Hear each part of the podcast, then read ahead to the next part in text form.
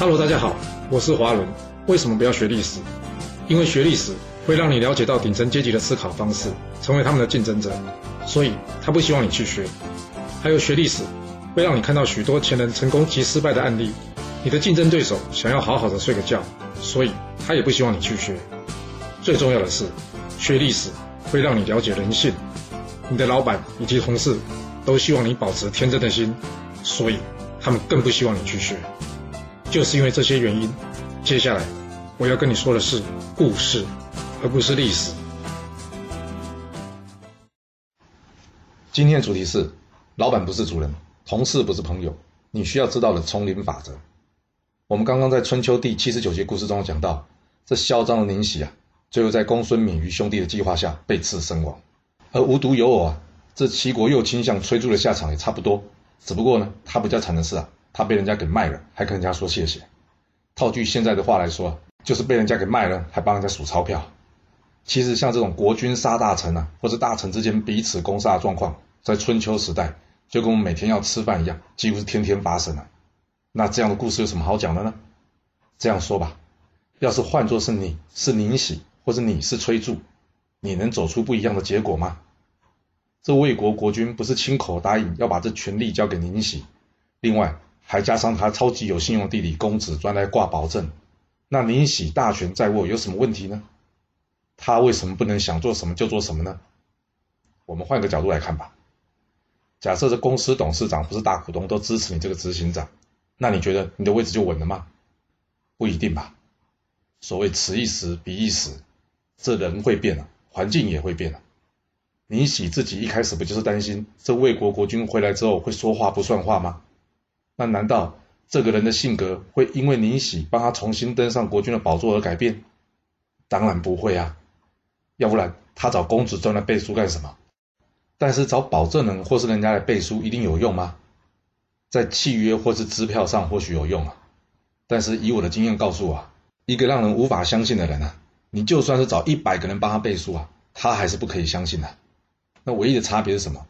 就是他会毁这一百个帮他背书人的信用啊。那权力的问题呢，其实一直都是很微妙的。在老板没有业绩的时候需要你，那个时候你就是英雄功臣啊。可是老板觉得公司发展稳定需要制度了，这个时候你是什么？你就是挡路的石头啊，也就是一般说的什么功高震主了。所以，要是你不是老板了，要怎么让老板、同事来放心哦？或者说让老板、同事不要对你起杀心，这就变成在职场上生存非常重要的课题了。拿今天的故事来说吧。要是我们是宁喜呢，要我们归还这个好不容易争来的权利，这样子大家恐怕不会同意啊。不过呢，大事装装样子问问国君，这应该不难吧？那至于对外呢，还是应该多多联络各国的掌权大臣作为后援嘛。啊，换到现在来说就是什么？虽然你有权利了，但是很多事呢，还是要让真正的老板给个意见，至少让他过过当老板的瘾嘛。那正面来说呢，就是怎么样？你对老板要有一定的尊重嘛。至于要不要让老板知道你在外面有很多公司欣赏你，让他觉得哎不能随便让你走，你是有选择权的，这个呀要看实际状况来决定。除了这些方法之外啊，你还可以用什么？就是充足自己的被动收入来源，甚至是怎样创造自己的主动事业，来为自己啊增加多一些选择。当然这些部分呢也不一定要让老板知道。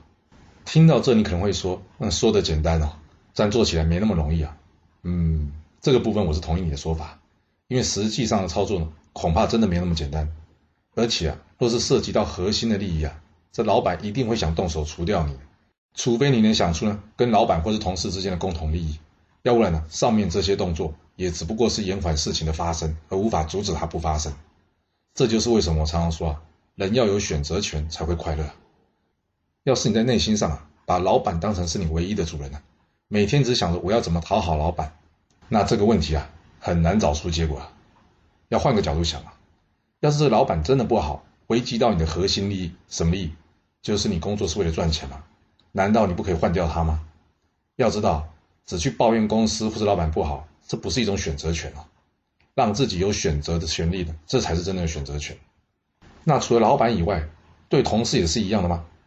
我们看看这次故事中啊，崔杼跟庆丰的状况就知道了。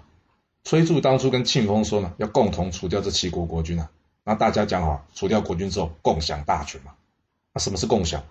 共享是等于平分吗？还有，这共享要怎么共享才公平呢？我看这永远不会有答案吧。那既然没有办法有个公平的分法，你觉得对方会不会有怨恨呢？你要不要把这东西考虑进去啊？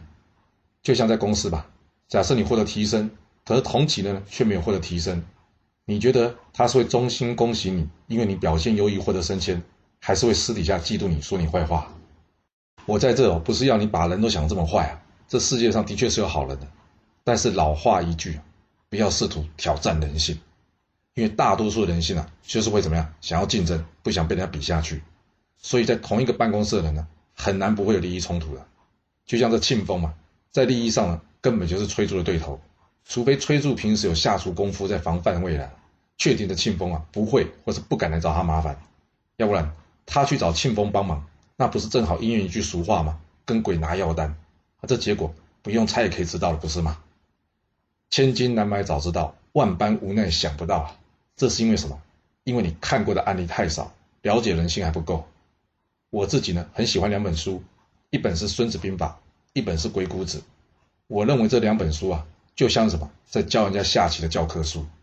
而历史呢，就是前人的棋谱，生活就是实战。若是你不了解基础的下棋路数啊，或者游戏规则，而且呢，也从不参考这棋谱，那你就必须在这生活实战中啊，是个天生的高手，要不然呢？在这都市丛林之中啊，你恐怕会跌跌撞撞，弄得伤痕累累的，你说是吧？若是你有其他想法，也欢迎留言分享你的看法给大家哦。好啦，我们今天先说到这。